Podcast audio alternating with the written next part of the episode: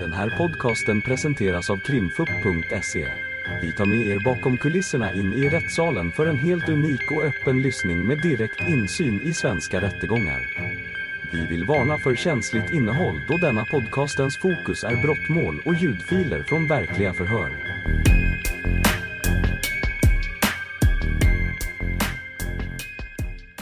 åklagaren eftersom det är hon som har begärt att du ska höras i målet. Ja tack. Ja Malin, hej. Kan du Hej. först kort berätta då vad du var anställd i februari 2021 och vad du hade för arbetsuppgift? Eh, Jag blev anställd i Dorotea kommun och jobbade på socialtjänsten där. Eh, Och där jobbar man ju med alla saker, så att säga, inom Okej. socialtjänsten. Men, eh, så jag jobbade ju bland annat med Melvin. Stämmer det att du var hans handläggare? Jag var hans handläggare. Och var du då involverad i eh, det här beslutet om att Melvin skulle skrivas in på Korpberget för behandling? Ja, det var jag. Och kommer du ihåg varför han skulle dit? Vad, vad som låg till grund för att han skulle... Melvin bodde på ett, ja, Melvin bodde på ett stödboende i Umeå. Mm. Och det började bli ohållbart eftersom han tog återfall i droger. Mm. Så att det var väl så att han inte skulle kunna bo kvar där och då pratade jag med Melvin och eh, hörde för alternativet var ju att han skulle få flytta därifrån. Eh, men då pratade jag med honom om behandling. Och då gick han ju med på behandling frivilligt. Och då la jag som förslag Korpberget. Det kände han till sedan tidigare. Eh, och han tyckte att det kunde vara ett bra alternativ. Mm. Och eh, hade du då någon kontakt med någon på Korpberget angående att han skulle vilja komma dit och så inför den här Ja, då- behandlingen?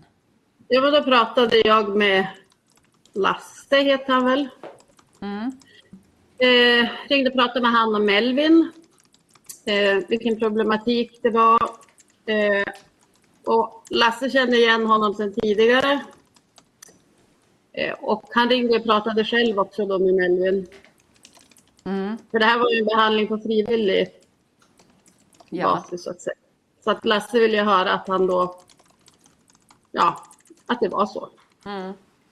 Så då kände Lasse till att, att det var problem med Melvin på det här boendet och att han tog återfall? Precis. Ja. Eh, om vi sen då går till den aktuella dagen här den 22 februari när Melvin då skulle börja sin behandling på Korpberget.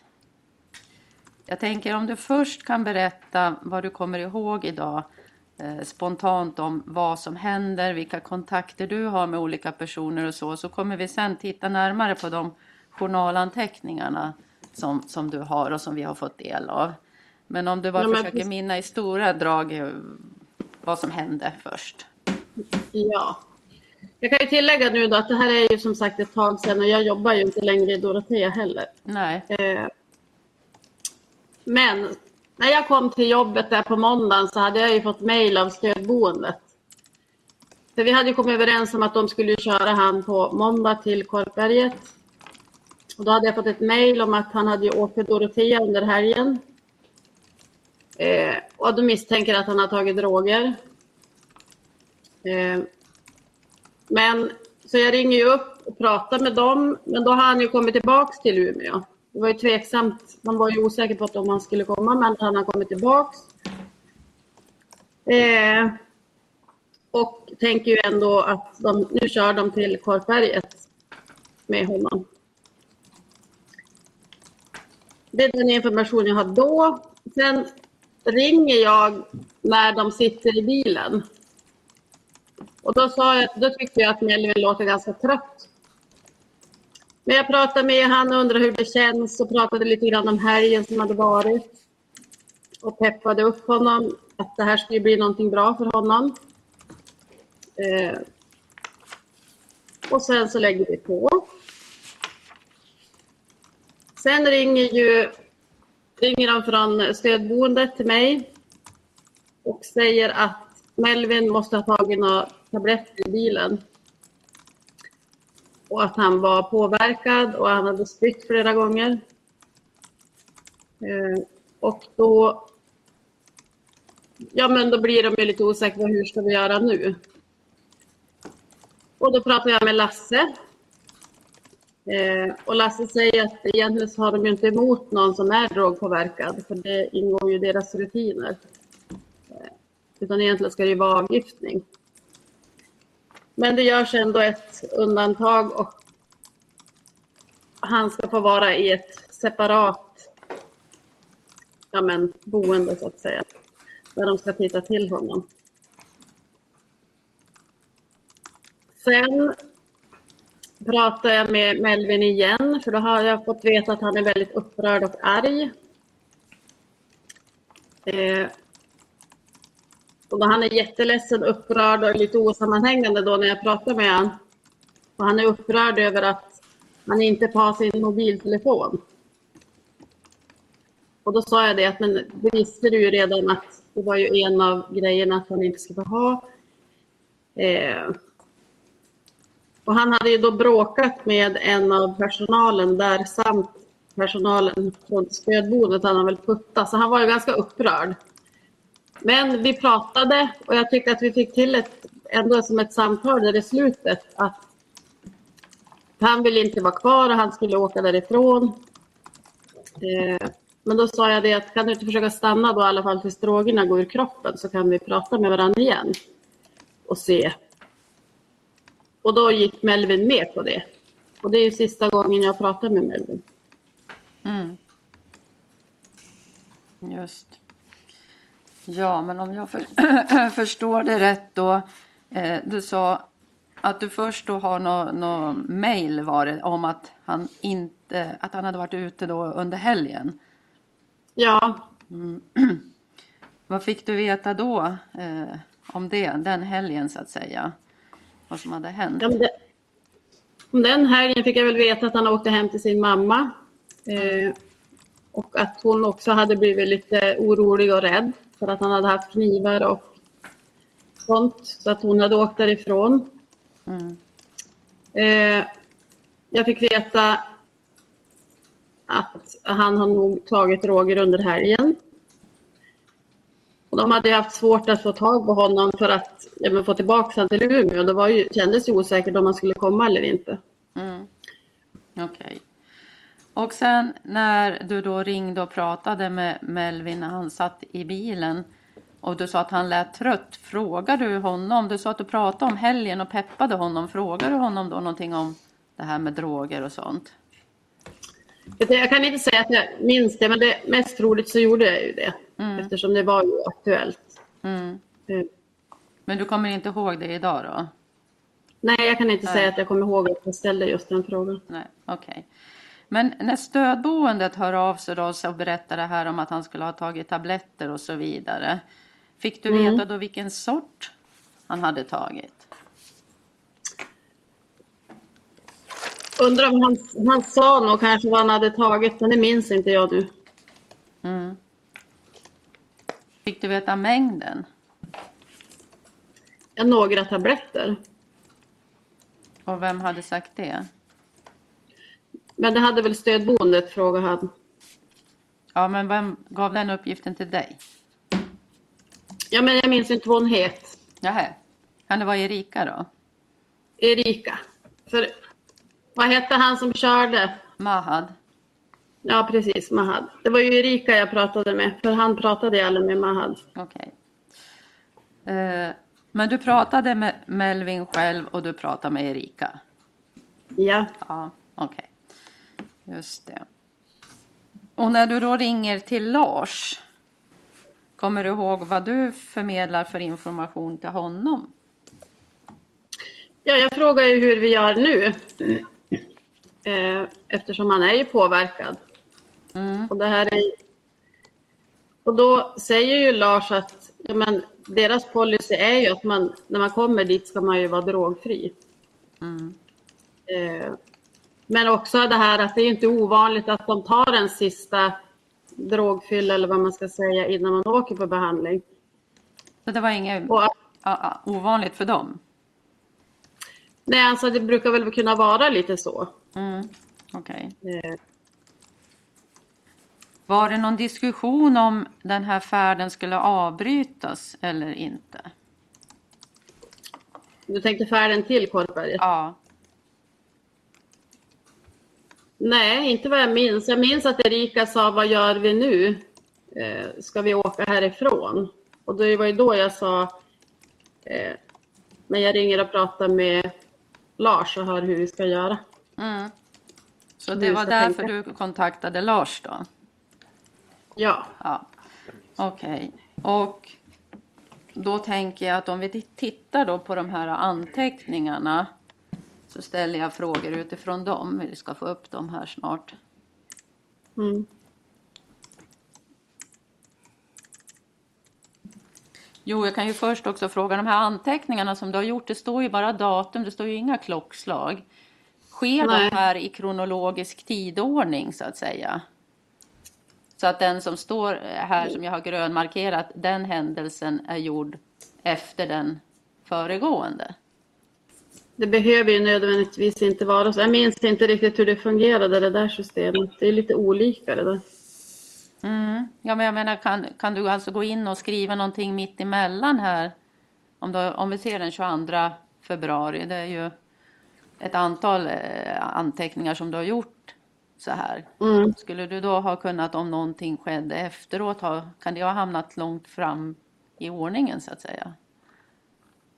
Förstår du vad jag menar? Ja, jag förstår vad du menar. Du menar om jag ska skriva in dem i olika tidsordning? Nej, men jag menar när du skriver in dina anteckningar, eh, som här då, det börjar ju den 22 januari.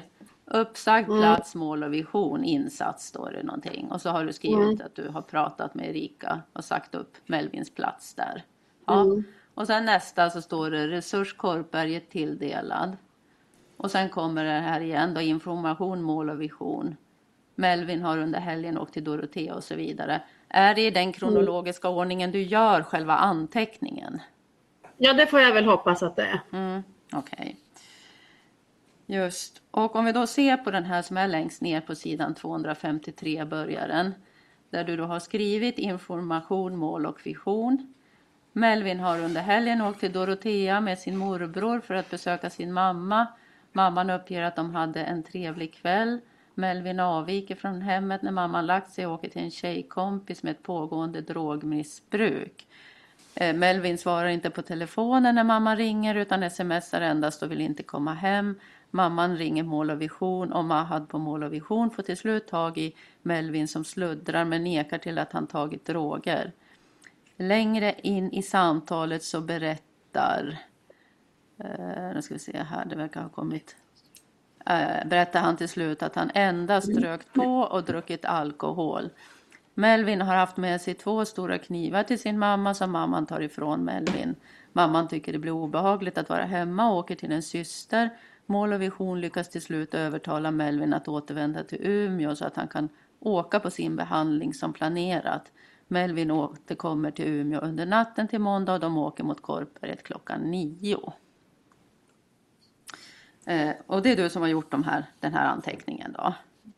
Det stämmer bra det. Vem har lämnat de uppgifterna här då till dig om vad som skulle ha hänt? Ja, det är ju Erika. Det är Erika. Mm, Mm. Just det. Så du har inte haft... av det mejlet som jag fick. Ja, du fick ett mejl och så har du skrivit ner då det som framgick Ja. av det mejlet. Okej. Precis. Så du har inte pratat med Melvins mamma vid det här skedet? Nej, Nej. i det skedet pratade jag inte med Melvins mamma. Mm, Okej. Just, och så har du skrivit att de åker mot Korperet klockan nio. Betyder det här då att, att du borde ha fått mejlet efter den tidpunkten då?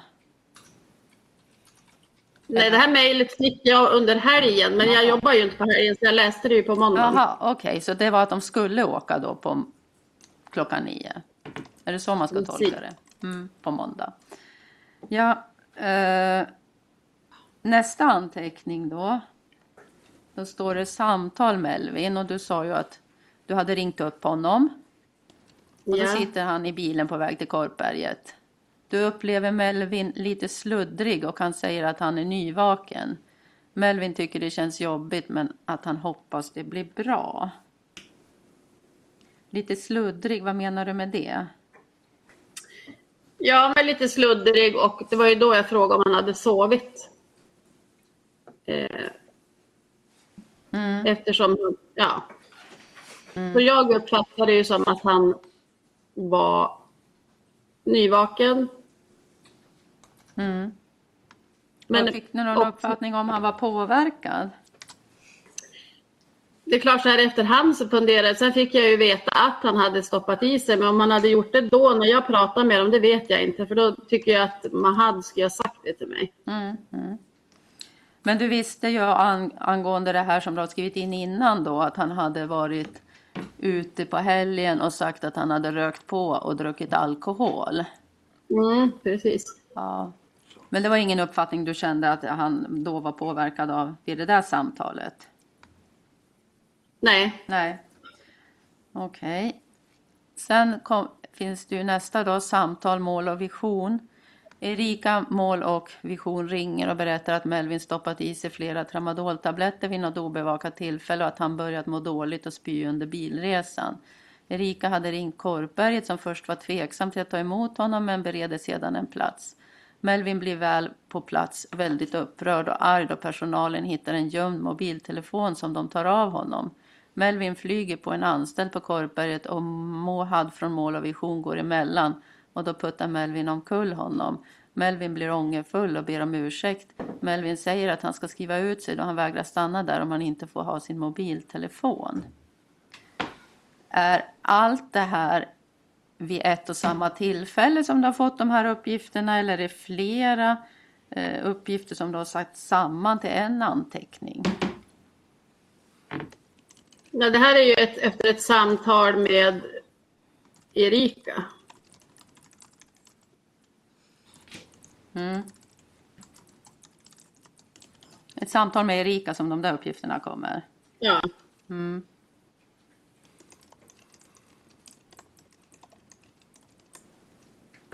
Just det, nu ska vi se. Jag hade hoppat över ett än. Nej. Ja. Och, men då, du säger ju att hon ringer och berättar att han har stoppat i sig flera tabletter. Och sen så samtidigt så beskriver du händelser som har hänt på Korpberget. Ja, vad tänker du då? Ja, jag tänker att nyss när du beskrev händelsen så fick jag uppfattningen att, eh, ja, att du hade pratat med Lasse. När skedde samtalet med Lasse då? Är det först efter att Melvin har kommit till Korpberget? Det är inte under färden så att säga. Det är inte... Nej, det är väl und... när han kommer dit. Okej. Mm. Eh, så att det här när Erika, när du pratar med henne, då är Melvin redan på plats då? Det är då hon ringer mig för att fråga, för då har ju hon pratat med Mohad. Och, ja, men liksom hur gör vi nu? Mm. Men ringer hon och frågar det först när de har anlänt eller gör man en paus under färden och att man kontaktar dig då och undrar ska vi fortsätta till Korpberget eller inte? Nej, det är, de är på Korpberget när de ringer vill jag minnas. Ja, Men sagt, okej. Eh, och ehm, just det.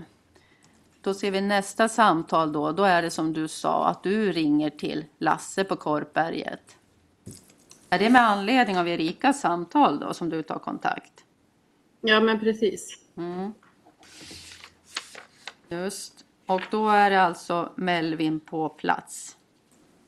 Melvin är på plats. Mm. Vet du var Lasse befann sig någonstans? Vad jag förstår så var Lasse också där. Ja, så så uppfattade du det. Ja, men som sagt, Ja, om vi läser den anteckningen också då. Att du ringer Lasse som bekräftar vilket dåligt skick Melvin är i samt att Melvin vill skriva ut sig. Lasse hänvisar dig till Tommy som är med Melvin.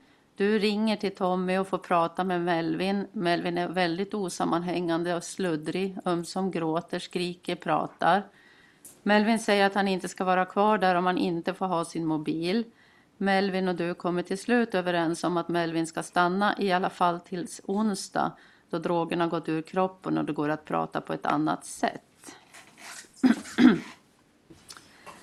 Och då är det alltså flera samtal i den här anteckningen då, om jag förstår det rätt. Först är det samtalet till Lasse och sen så är det när du ringer till Tommy och får prata med Melvin då. Mm. När du pratade med Lasse här först och du säger att han bekräftar vilket dåligt skick Melvin är i. Vad fick du för uppfattning om att, att han hade eh, för kännedom då om Melvins tillstånd? Ja, att de såg att han var drogpåverkad.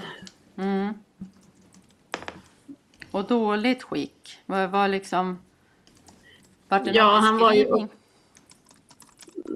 Nej, alltså att han var drogpåverkad och att han var väl upprörd och arg och ville ju inte vara där. Mm. Okej. Och du har ju skrivit som att han bekräftar det här, vilket dåligt skick han är i. Hur, hur menar du då? Mm. Hur tänkte du? Vem? Ja, men jag hade ju pratat med Erika Mm. eh, och hon säger ju att han hade tagit, nu vet jag, minns jag att det var tramadol då. Och att han hade spytt och mått jättedåligt under färden. Mm. Är det vid det här samtalet du då får veta att de inte brukar ta emot påverkade personer? Ja, jag antar att det är där. Jag pratar ju med Lasse väldigt många gånger, så jag vet inte om det kommer längre ner eller vars det är, men Jaha. jag och Lasse pra- pratar ju om,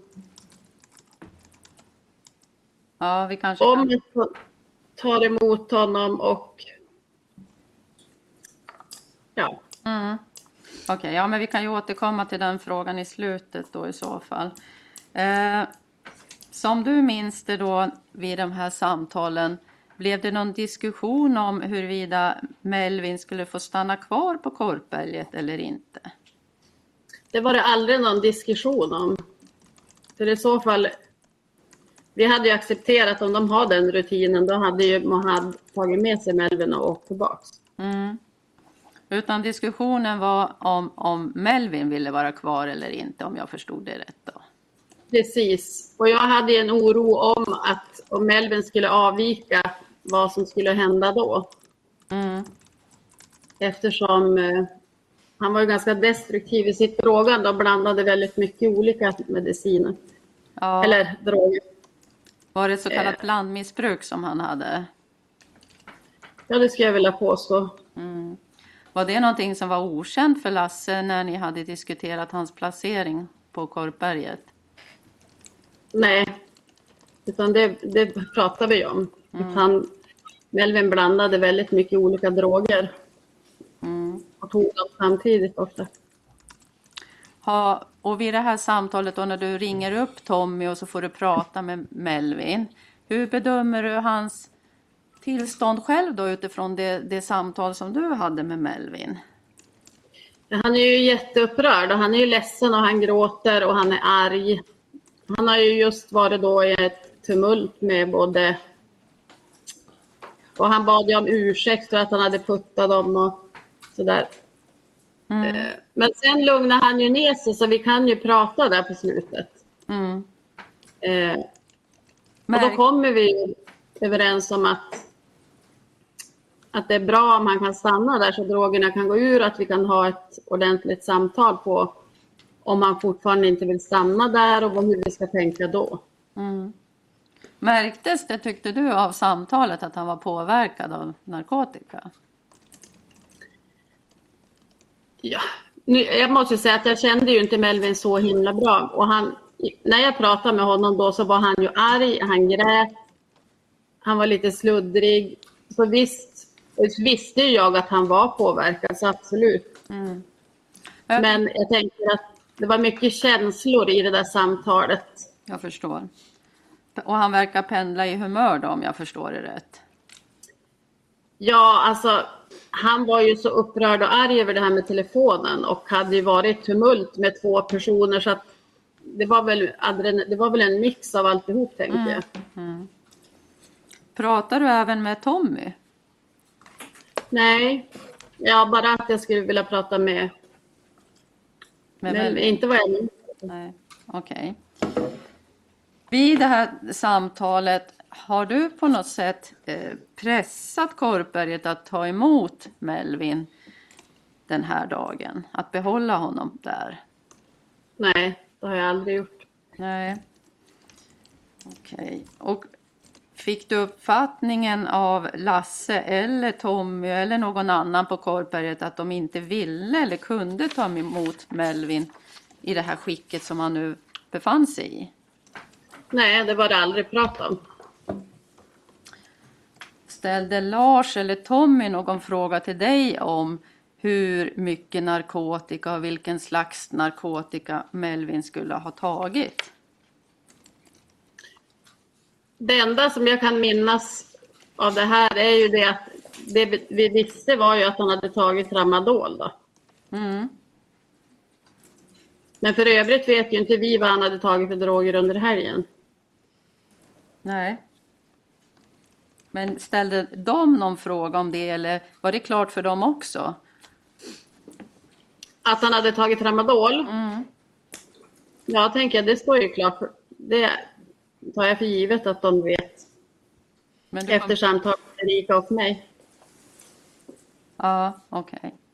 Men det var ingenting som togs upp i det här samtalet då? Det kanske det gjorde, men som sagt, då minns inte jag det nu. Nej, just.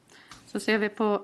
Jo, om jag säger så här då. Om, om nu Korpberget istället hade sagt nej, även om du och Melvin då hade lugnt och sansat kommit fram till att han skulle stanna till onsdag när drogerna hade gått ur. Men om, om då Korpberget istället hade sagt att ja, men vi, vi har inte någon möjlighet att ta emot honom. Han kan inte befinna sig här och, och bli ren från drogerna. Vad hade hänt då? Ja, då hade vi fått överväga ett LVU, tänker jag. Mm. Jag ser nästa kontakt som står registrerad då här är samtal Bengt Henriksson. Vem är det? Det är ordförande i sociala utskottet. Och då står det ringer och informerar Bengt om överflytt av vård gällande Melvin från Mål och Vision till Korpberget. Pratar även med Bengt om att det kan bli aktuellt med ett omedelbart LVU om Melvin avviker från Korpberget. Bengt uppger att han finns anträffbar och att det bara är att höra av sig om det blir aktuellt. Den sista anteckningen har du gjort den 26. Den första den 22 verkar det som. Stämmer det? Eh, ja, det är väl tillagt där, för att jag pratade ju med honom. Det är ju samma dag. Ja, okej. Så du har lagt till den sista eh, stycket då? Ja. Ja. Kan du berätta om det här? ja, men det var ju eftersom Melvin var ju arg, han ville inte vara kvar där och det finns ju en risk att han, han kan ju bara promenera ut därifrån för han var ju där frivilligt. Det är ju ingen som kan hålla kvar honom. Mm. Eh, Men jag kände ju ändå en oro om han skulle göra det. Eh, Och därför sa ju jag att skulle han gå därifrån så vill jag att de kontaktar mig för då får jag överväga ett LVU. Mm. Och vem sa du det till? Det pratade jag ju med Lasse om. Mm. Det här hade jag ju även pratat med, med Melvin om tidigare. Liksom det här att, och han sa det ni sticker jag så kommer ni aldrig hitta mig. Alltså, jag vill inte ha något LVU. Mm. Att, jag kände ju en oro för Melvin för att det hade ju accelererat hans drogmissbruk på slutet. Och skulle han avvika därifrån så var jag orolig för vad som skulle hända. Mm. Var det någonting som kom upp i samtalet med Melvin när, när du kunde komma överens om att han skulle stanna kvar där? Att du annars kanske Nej. var tvungen ta beslut om LVU? Nej, jag vet att jag tror inte att jag pratade med honom om det då. Är du säker på det? Nej, det kan jag inte vara säker på. Nej. Så du kan ha tagit upp det då? Det kan jag ha gjort. Jag, jag kan inte minnas allt vad jag sa då. Nej. Men innebär det här att det alltså fanns en beredskap för ett sådant beslut ifall att han inte hade velat stanna kvar på Korpberget då eller inte hade fått stanna kvar? Precis. Just det. Och så ser vi nästa samtal här då, Korpberget. Då ringer du till Korpberget för att höra hur det har gått med Melvin eh, under eftermiddagen. Lasse berättar att Melvin somnat men sen vaknat och haft ont i en arm som de kollat upp. De kommer att ha koll på Melvin och tillkallar sjukvårdspersonal om han blir för orolig och får jobbigt när drogerna går ur. Lasse ställer sig lite tveksam om Korpberget är rätt ställe då Lasse tycker att han är i dåligt skick och att behandlingen mycket bygger på frivillighet. Korpberget hör av sig om Melvin, Melvin åter vill skriva ut sig då det kommer bli aktuellt med ett, ett omedelbart omhändertagande.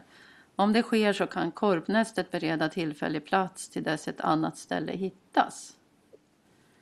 Kommer du ihåg den här kontakten? Ja, vad tänker du? Ja, att du- ringde, alltså du hörde av dig igen sen då efter samtalet med Melvin som du hade.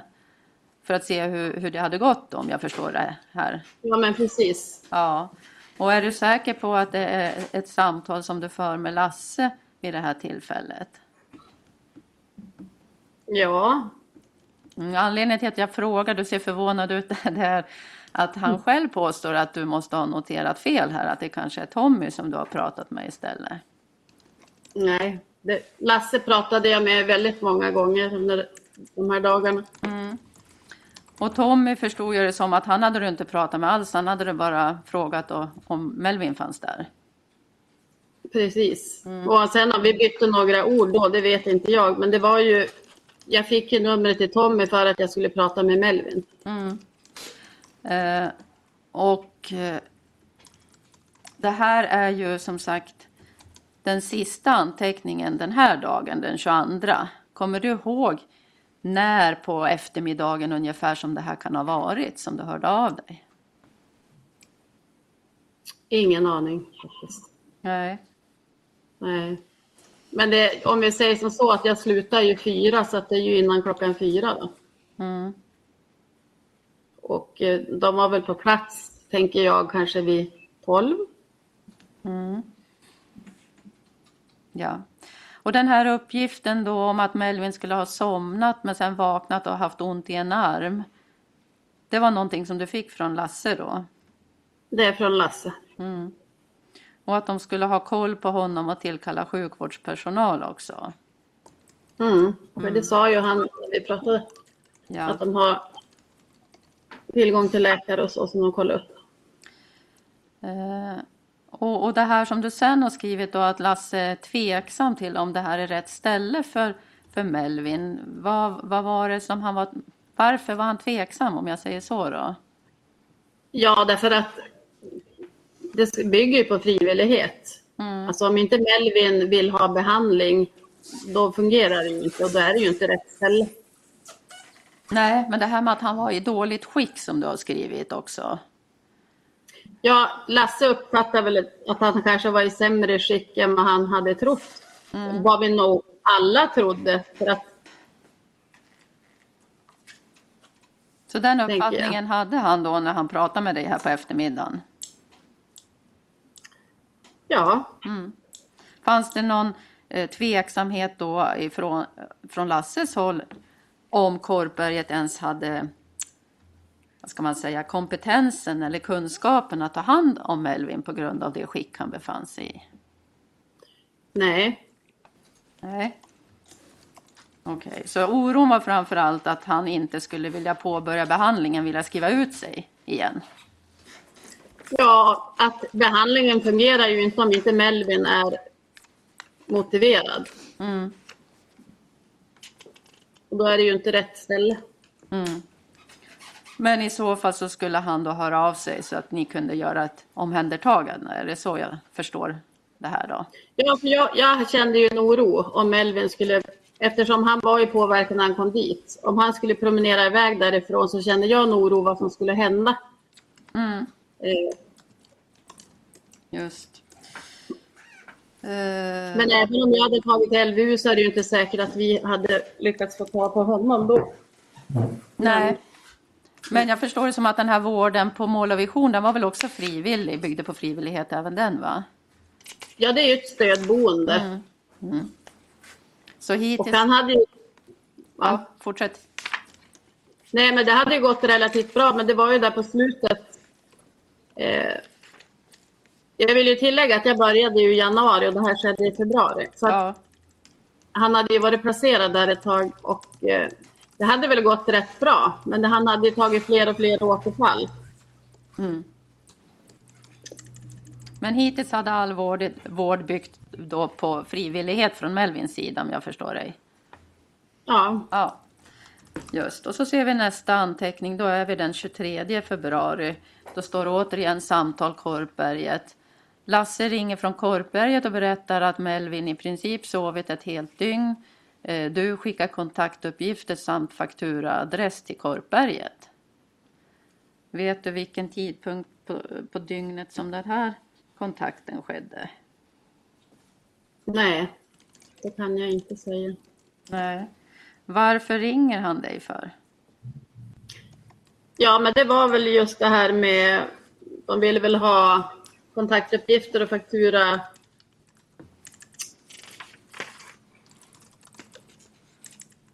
Så Lasse ringer för att han vill ha eh, faktura, vart, man, vart de ska skicka fakturan då? Uppgifter om det? Ja, vi hade ju pratat om vars det skulle vara, jag fick uppgifter. Mm. Okej, och i samband med det så har, berättar han då att Melvin har sovit i princip ett helt dygn då. Ja, Fick du någon känsla av om, om han då var orolig på något sätt för Melvin? Hans tillstånd? nej, inte. Han sa att, jag vet inte om det var vid det här tillfället, något annat tillfälle, att det är inte ovanligt att de sover länge när de sover ruset av sig. Okej. Och fick du någon uppgift om eh, det hade varit då någon tillsyn eller kontroll av Melvin under tiden från gårdagen då fram tills det här samtalet skedde? Vad jag har förstått så har det varit regelbunden tillsyn av Melvin. Att de gick och tittade till honom i jämna mellanrum. Var det någonting som sades till dig eller är det något du har läst i efterhand? Jag har inte kunnat läsa någonting, men eh, det, ju, det säger ju Lasse till mig. Även om inte det är dokumenterat, så han har ju... De tittar ju till honom och det ingår i deras rutiner. Mm. Och fick du då veta någonting om hur själva, förutom att man då regelbundet tittar till honom, fick du veta mer konkret om man har försökt väcka honom under de här tillfällena eller inte? Nej, egentligen inte. Jag vet ju att han, han hade vaknat upp där och haft ont i någon arm. Mm. Men det var under gårdagen innan fyra du fick veta det då? Dagen där? Ja, det var dagen innan. Då. Ja. Och nu hade han sovit i princip ett dygn då. Okej. Men det var ingen oro vid det samtalet. Det, det gällde framför allt då att man ville ha fakturauppgifter. Mm. Har jag fattat dig rätt då? Som jag minns det, ja. Och så ser vi nästa samtal igen då sen 23 med Korpberget. Lasse från Korpberget ringer och meddelar att ambulans tillkallats då Melvins andning blivit dålig. Melvin är på väg till Sollefteå sjukhus. Melvin är ej kontaktbar och har dålig syresättning. Lasse säger att det ser illa ut. Kommer du ihåg hur långt efter det samtalet kom? Det här, ja, det minns jag, för det kom ganska sent på eftermiddagen för att... Jag vet inte. Ja, det var ganska så... Kan det vara vid fem kanske? Mm. Och hur var Lasse i det samtalet då? Ja, han var ju orolig. Mm, Han var själv på väg till sjukhuset vad jag förstår. just. Och vet du då om han befann sig på Korpberget eller inte?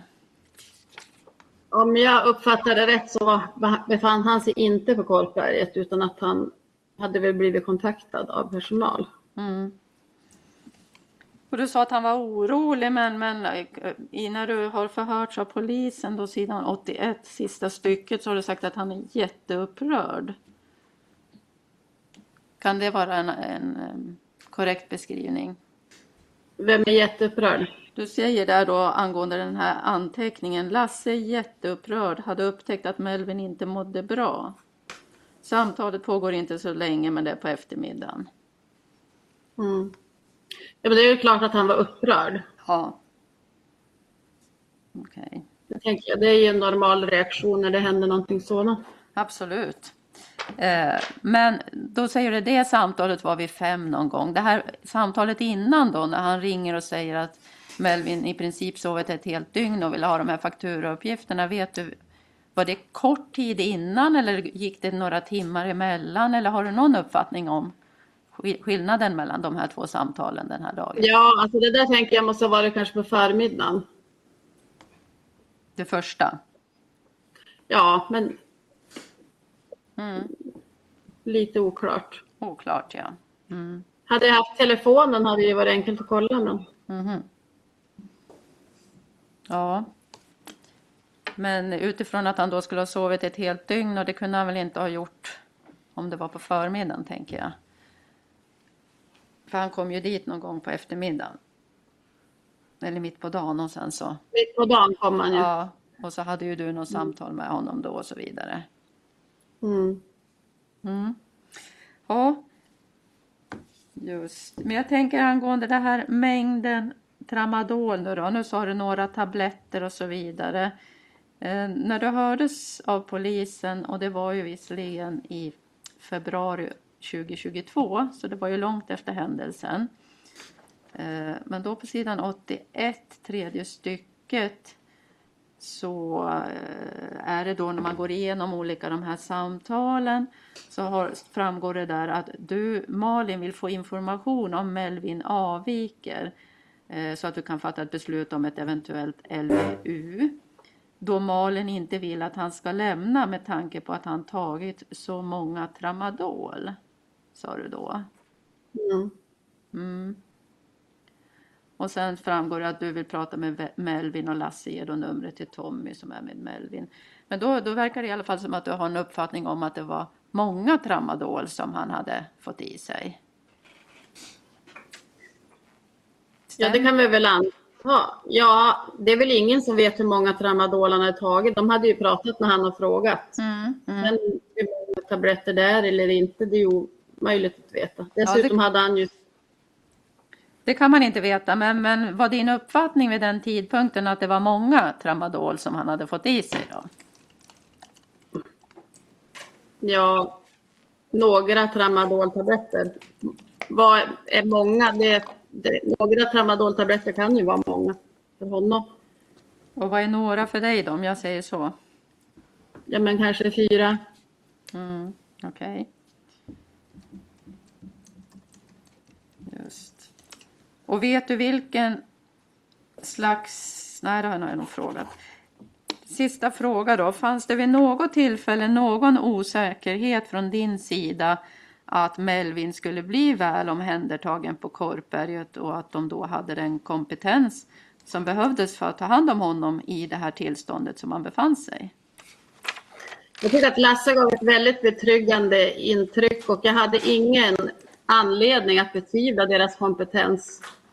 Mm, då är jag nöjd, tack. Mm. Advokat Törnqvist någon fråga?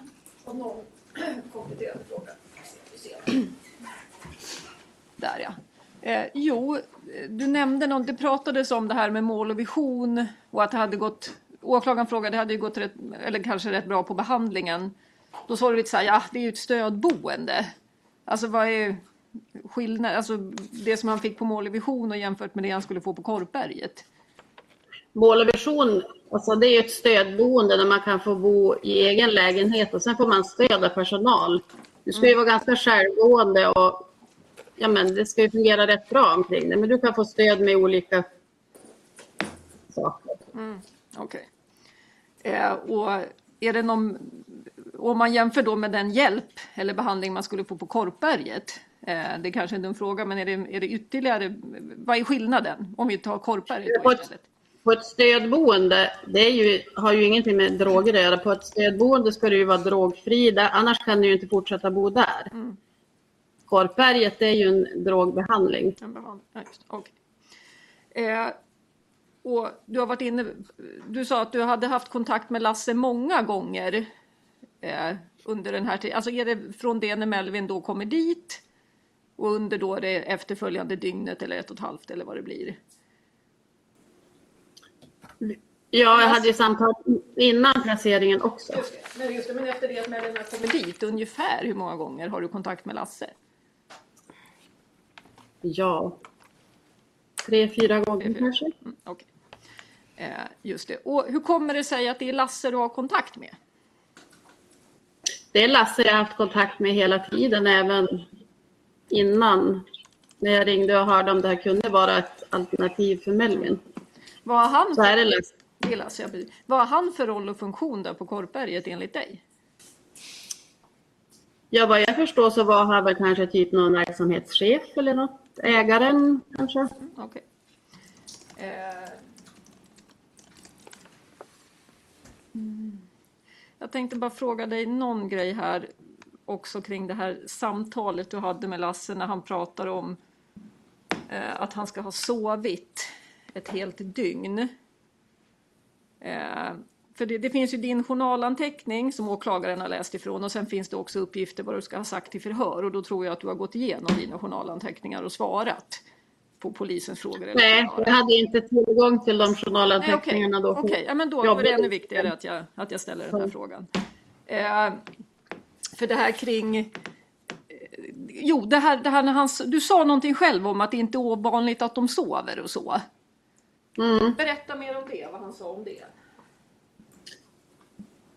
Nej, men det var väl rent att har man tagit ett återfall så att säga så är det inte ovanligt att man sover länge när drogerna går ur kroppen. Ja. Och sa han då någonting mer kring vad de gjorde för att kolla till honom och så? Ja, men att de regelbundet tittar till honom. Precis. Men sen något ytterligare, du sa att de hade väl ett schema, du, ja, du fick uppfattningen att det var regelbundet och att de tittade till honom. Ja, alltså de hade ju uttalade rutiner för hur man gör. Så att, Så det var mer en försäkran från gånger? honom. Ja, precis. Det var mer en försäkran. Han har sovit ett dygn, men det är ingen fara. Det är inte ovanligt och vi kollar till honom. Vi håller koll. ja. Ja, okej. ja då har jag ingen mer fråga. Mm, advokat Alnemark. Ja, tack. Hej Malin, Gabriella Alnemark heter jag. Jag företräder Lars Karlsson som sitter bredvid mig. Eh, Hej. Hej, förstod jag det som att du jobbar inte kvar längre som handläggare inom kommunen i Dorotea? Det stämmer bra det. Och jag tänkte inför dagens förhör, har du läst igenom några handlingar eller journalanteckningar? Ingenting. Jag jobbade ju i Dorotea fram till augusti 2021. Sen dess har inte jag haft kontakt med några handlingar. Och jag har ju förstått att det har varit en hel del skriverier om den här händelsen i media och olika tidningar. Är det också uppgifter som du har tagit del av? Vid den tidpunkten, ja, men inte sen dess. Eh, och känner du till att eh, det upprättades en IVO-anmälan mot socialnämnden? Ja, det tror jag att jag fick information om. Och känner du till att det sedan också har eh, riktats kritik från IVOs sida eh, mot socialnämnden? Det vet jag inte. Nej. Så det är ingen kritik som du har tagit del av? Nej. Nej. Eh, sen, eh, man, man har ju hållit två polisförhör med dig, stämmer det? Det stämmer bra. Ja. Och det här första förhöret, det var ju ett telefonförhör. Eh, minns du om du själv kommer ihåg mycket detaljer om händelseförloppet i det första förhöret? Det som var ett år senare. Eh, precis, det var ett telefonförhör den 13 januari 2022. Mm. Och det varade i åtta minuter kan jag säga. Ja, detaljer. Det är ungefär Det jag återger idag är väl ungefär vad jag återgav då, kanske mer detaljer då. Nu har det ju gått ytterligare ett år. För att när jag läser ditt eh, första förhör så får jag uppfattningen att det du kan egentligen återberätta är att det var många samtal den här dagen. Eh, Men att det verkar vara svårt för dig att redogöra mer konkret för de olika samtalen och de olika anteckningarna som du skrev. Kan det stämma? Vad säger du, svårt att redogöra för? Hur menar du då? Ja, eller jag kan, väl, jag kan väl läsa lite ur förhöret och så kanske du får upp någon minnesbild. Men då står det så här då på sidan 79 med rättens tillåtelse att eh, Malin uppger att hon inte längre jobbar kvar i Dorotea. Hon uppger att det var många samtal den dagen och hon tror att de började vid nio tiden på morgonen. Eh, Malin uppger att hon har för sig att Melvin var vid Korpberget vid 12-tiden. Malin vet inte vilka tider de olika samtalen var och hänvisar till socialtjänsten i Dorotea och om de kan se anteckningar där brukar det vara tidsstämpel.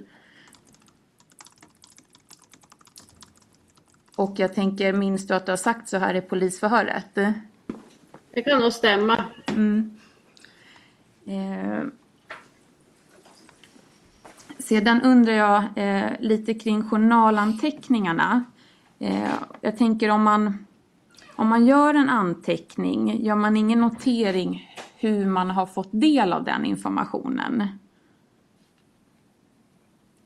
Hur jag, alltså av vem tänker du? Ja, av vem och på vilket sätt? Det kan, man kan ju få information på olika sätt.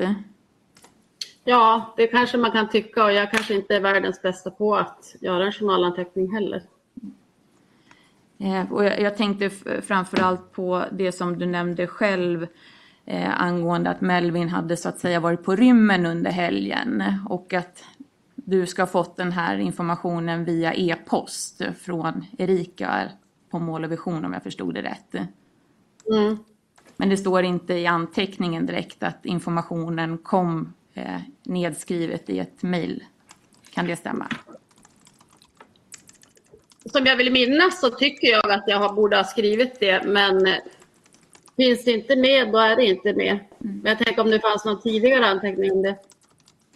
Ehm, och sedan undrar jag om det, om det är ehm, en händelse och en kedja av olika samtal som sker.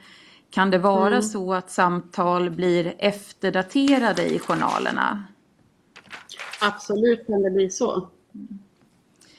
Eh, och jag tänkte när du sedan har kontakterna med Melvin när han befinner sig i bilen. Upplevde du att det gick att föra ett samtal med honom då?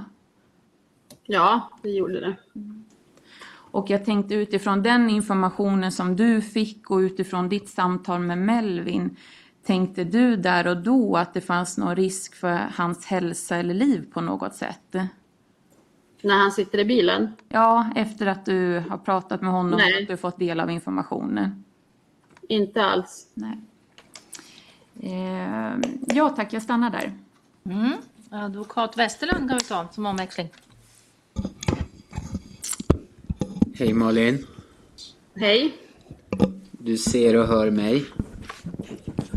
Du, vad heter det? De här... eh, Min, min kollega ställde alldeles nyss ett antal frågor kring, kring journalföringen. Vad som finns i antecknat och inte och var informationen kommer ifrån och så. Eh, Visst är det också så att man kan efterdatera i, i de här journalerna?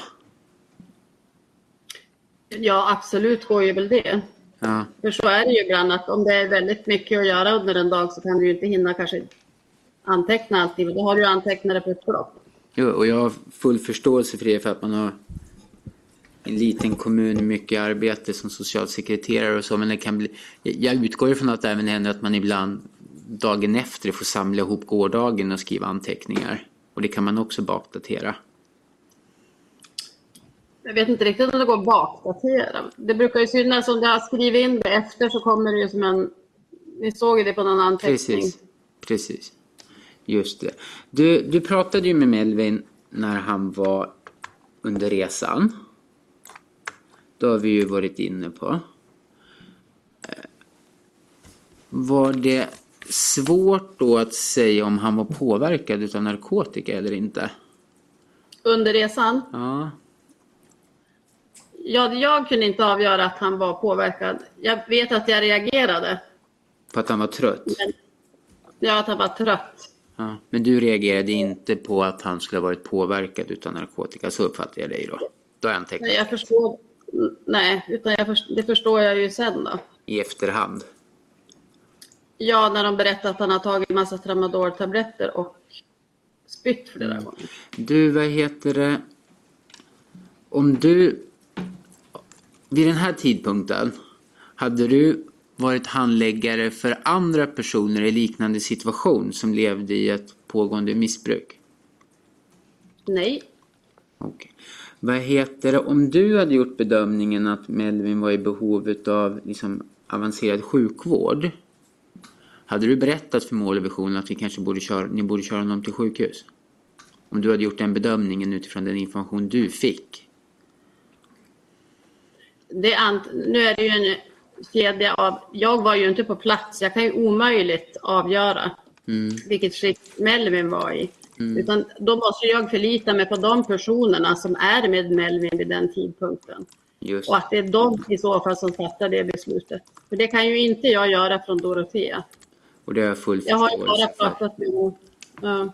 Men du har pratat med Melvin, du har pratat med Erika, du har fått situationen förklarad för dig. Mm. Och du bedömer att Korpberget är en lämplig plats för honom. Så, så långt är vi överens.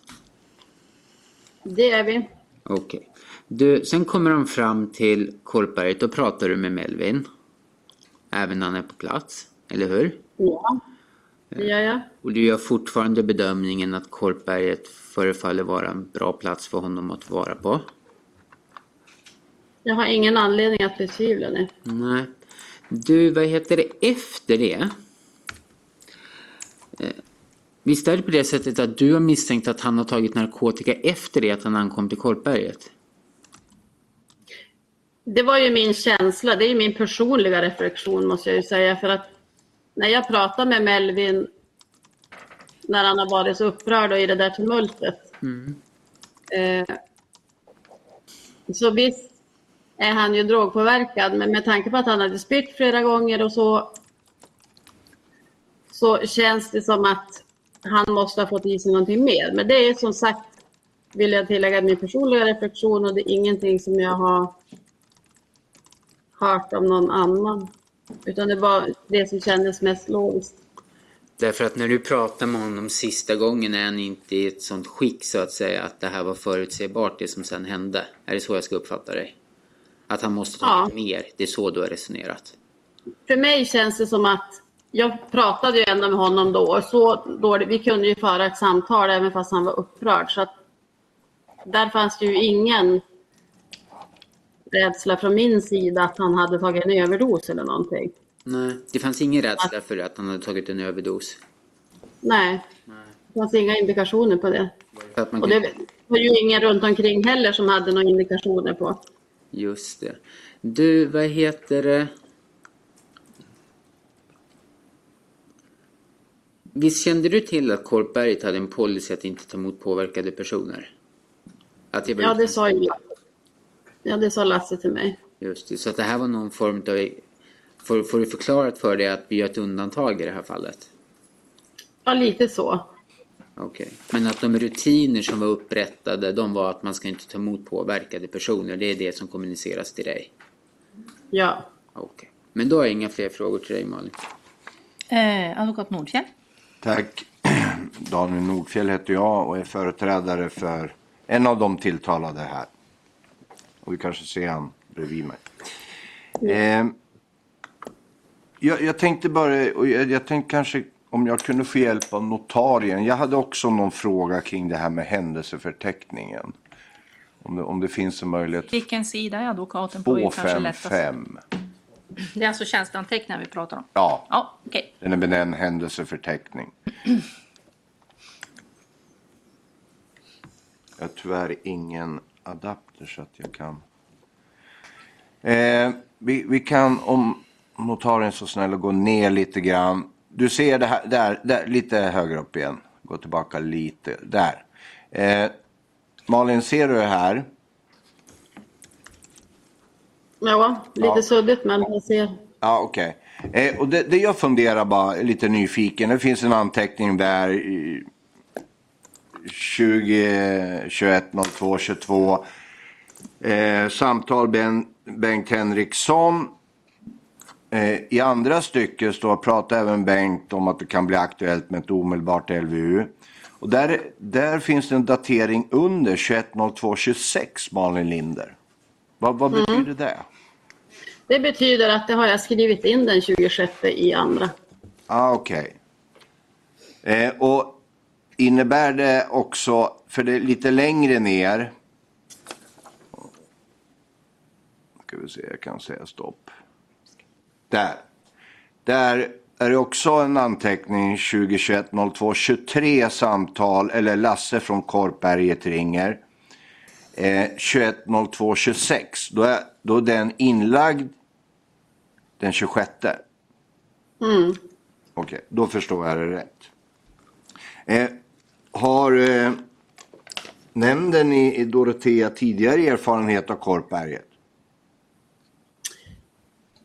Oh, nu ställer du en svår fråga, men jo, jag tror de har haft eh, andra placerade där. Ja. Har du varit med och skrivit det här yttrandet till IVO för att återge ja, din upplevelse? Nej, Nej Okej, det är någon annan som har skrivit. det var IFO-chefen. Ja, för det, för det finns en, en uppgift där på sidan 2-3, det säger jag för inspelningens skull. Eh, eh, då finns det här tredje stycket nerifrån nämndens yttrande då. När socialtjänsten planerade att hitta en annan placering i form av slutenvård var Korpberget ett alternativ då de tidigare visat goda resultat och professionalitet i sin behandling av människor med beroendeproblematik. Känner du igen det utlåtandet? Eller är det här någon annans uppfattning? Det där är väl... Det där kan jag ha läst när hon skrev det. När var det där skrivet? Oj, jag, jag tror inte att det är riktigt daterat. Det här är IVOs beslut. Men det kom väl, hon fick väl göra ett yttrande där efter händelsen, tänker jag. Ja, ja. Men har inte du varit medverka i den här för att återge vad som har hänt eller? Hon har ju pratat med mig om händelsen och vad som hände. Men sen Ja. är det ju hon som är ansvarig och skriver det. Okej. okej. Eh, vi har ju pratat om, om, eh, om jag benämner det, utflykten i Dorotea här helgen innan. Mm. Eh, det hade ju du fått information om. Det är riktigt? Ja. ja. Eh, Men jag hittar ingenstans i händelseförteckningen att det är en information som också Korpberget får. Är det korrekt? Ja, fast den informationen får de ju. När får de den? Det finns ingenstans i händelseförteckningen nämligen. Nej, då gör det inte det. Men jag är helt övertygad om att det har jag pratat med Lasse om. Ja. När, när pratar du med Lasse om det då i så fall? Ja, det var väl den dagen den 22. Okej. Men borde inte det i så fall vara en information som fördes in i händelseförteckningen? Det kan man tycka. Men det var väldigt mycket som hände den där dagen. Ja. Det kan ha blivit missat. Okej. Eh, om vi, vi, nu hoppar vi fram här och, och jag förstod ju att det uppstod ju nå- en situation där Melvin ville lämna. Eh, och du sa att ni, ni övervägde ett LVU i så fall. Ja, det pratade jag med Lars om. om för han sa ju det här är ju på frivillig basis. Han kan ju gå ut genom dörren när han vill. Ja. Och då kände jag en oro och då sa jag det att hör av er till mig ifall att han skulle avvika för då får jag överväga ett LVU. Okej, då får ni överväga ett LVU. Hur fort skulle ett sånt LVU kunna verkställas i så fall? Ja, det kan ju verkställas ganska snabbt. Ja. Då ringer jag till ordföranden. Ja. Men om han väljer att lämna och Lasse ringer upp dig. Eh, hur, hur, hur snabbt kan man få tag i, ja det är svårt att säga hur snabbt du får tag i Melvin men hur fort kan man sätta igång apparaten och få tag i Melvin i vart fall? Ja, det beror ju alldeles på det för att om jag får ett LVU-beslut av ordföranden om omedelbart omhändertagande. Mm. Sen ska ju det här, kanske vi måste begära handräckning av polisen och sådana saker och det kan ju ta ett tag. Ja, ja jag förstår det. Jag förstår det. Ja tack, jag hade inget. Jag hade någon till fråga. Ja. Jo, kände du till om Korpberget hade läkare eller tillgång till någon läkare? Min uppfattning är att de hade tillgång till läkare. Mm. Jag för mig att du nämnde någonting om med den här armen, att jag läste någonting. Eh, Precis. vet du om den hade blivit, läkaren hade blivit kontaktad ja, angående den? Jag hade skrivit sjukvårdspersonal va? Nej, så kanske det var. Ja, men din uppfattning var att de hade läkare då? Mm. Ja. Att det var knutet till boende. Knutet. Mm. Sen ut efter, efterifrån vad försvaret har ställt för frågor till dig så undrar jag bara, du fick ju dels frågan om det här korta första förhöret den 13 januari när polisen ringde upp dig och du berättade att du inte längre jobbade kvar och inte hade tillgång till de här journalanteckningarna. Var det inte så att polisen då eh, avbröt förhöret för att begära in anteckningarna som han sen har då redogjort för och utgått ifrån vid det andra förhöret? Det minns inte jag vet du. Nej, för att jag ser ju att du sa då att det, det går ju att titta i de här anteckningarna, men du har inte kvar någonting utan du hänvisade till Susi Dorotea. Och sen vid det andra förhöret så står det i stycke två där på sidan 80 att förhörsledaren läser upp ur anteckningar som finns i utredningen som är från socialtjänstens journal.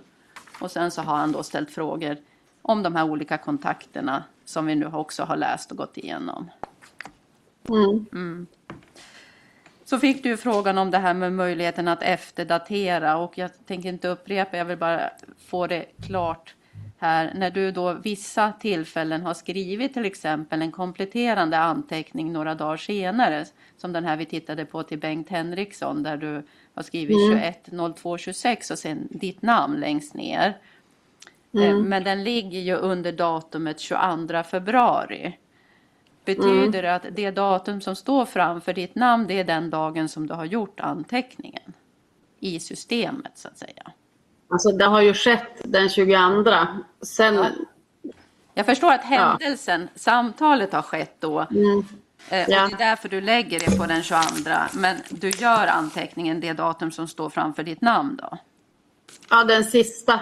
Det var ju två Ja. delar av den anteckningen. Den första är gjord den 22 Ja. och den längre ner är gjord den 26. Men betyder det att de da- datum som står då framför ditt eget namn, står det 22 eller står det 26? Det är de dagarna du själv gör, lägger in anteckningen i systemet? Ja. Ja, då har jag förstått det rätt. Eh, och slutligen då så så fick du någon fråga här om att du hade någon känsla av att Melvin måste ha tagit någonting mer efter att han kom till Korpberget. Mm. Eh, jag förstod inte riktigt den där eh, hur du fick den uppfattningen. Därför att för mig, jag fick jag har svårt att få det att gå ihop. När jag pratade med Melvin, dels i bilen och dels samtalet vi hade där. Eh, när han hade varit så arg och upprörd. Att, att gå från det till att han dog sen. Det känns svårt för mig att få ihop den om man inte har fått i sig mer tabletter eller någon annan drog eller någonting. Efter det här samtalet som, som du hade med honom då när han var arg och upprörd och så. Eh, fick du veta att han sen hade somnat i soffan?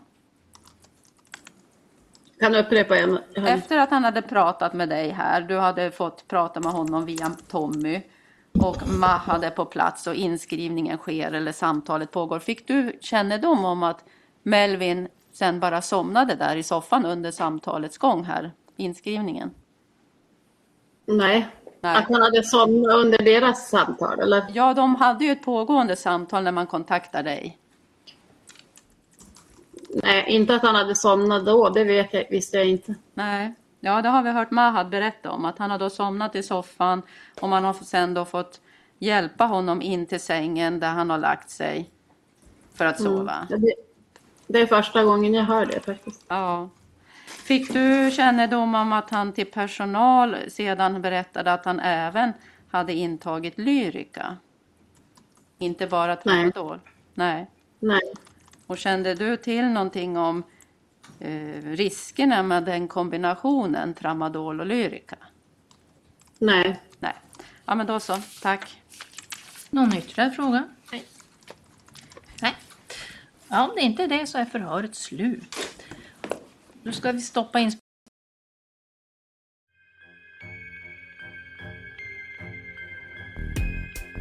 Ni har lyssnat på ett avsnitt av Krimfupps podcast. Tipsa gärna oss på krimfupp.se om det är någon speciell rättegång ni skulle vilja höra. Tack för att ni har lyssnat.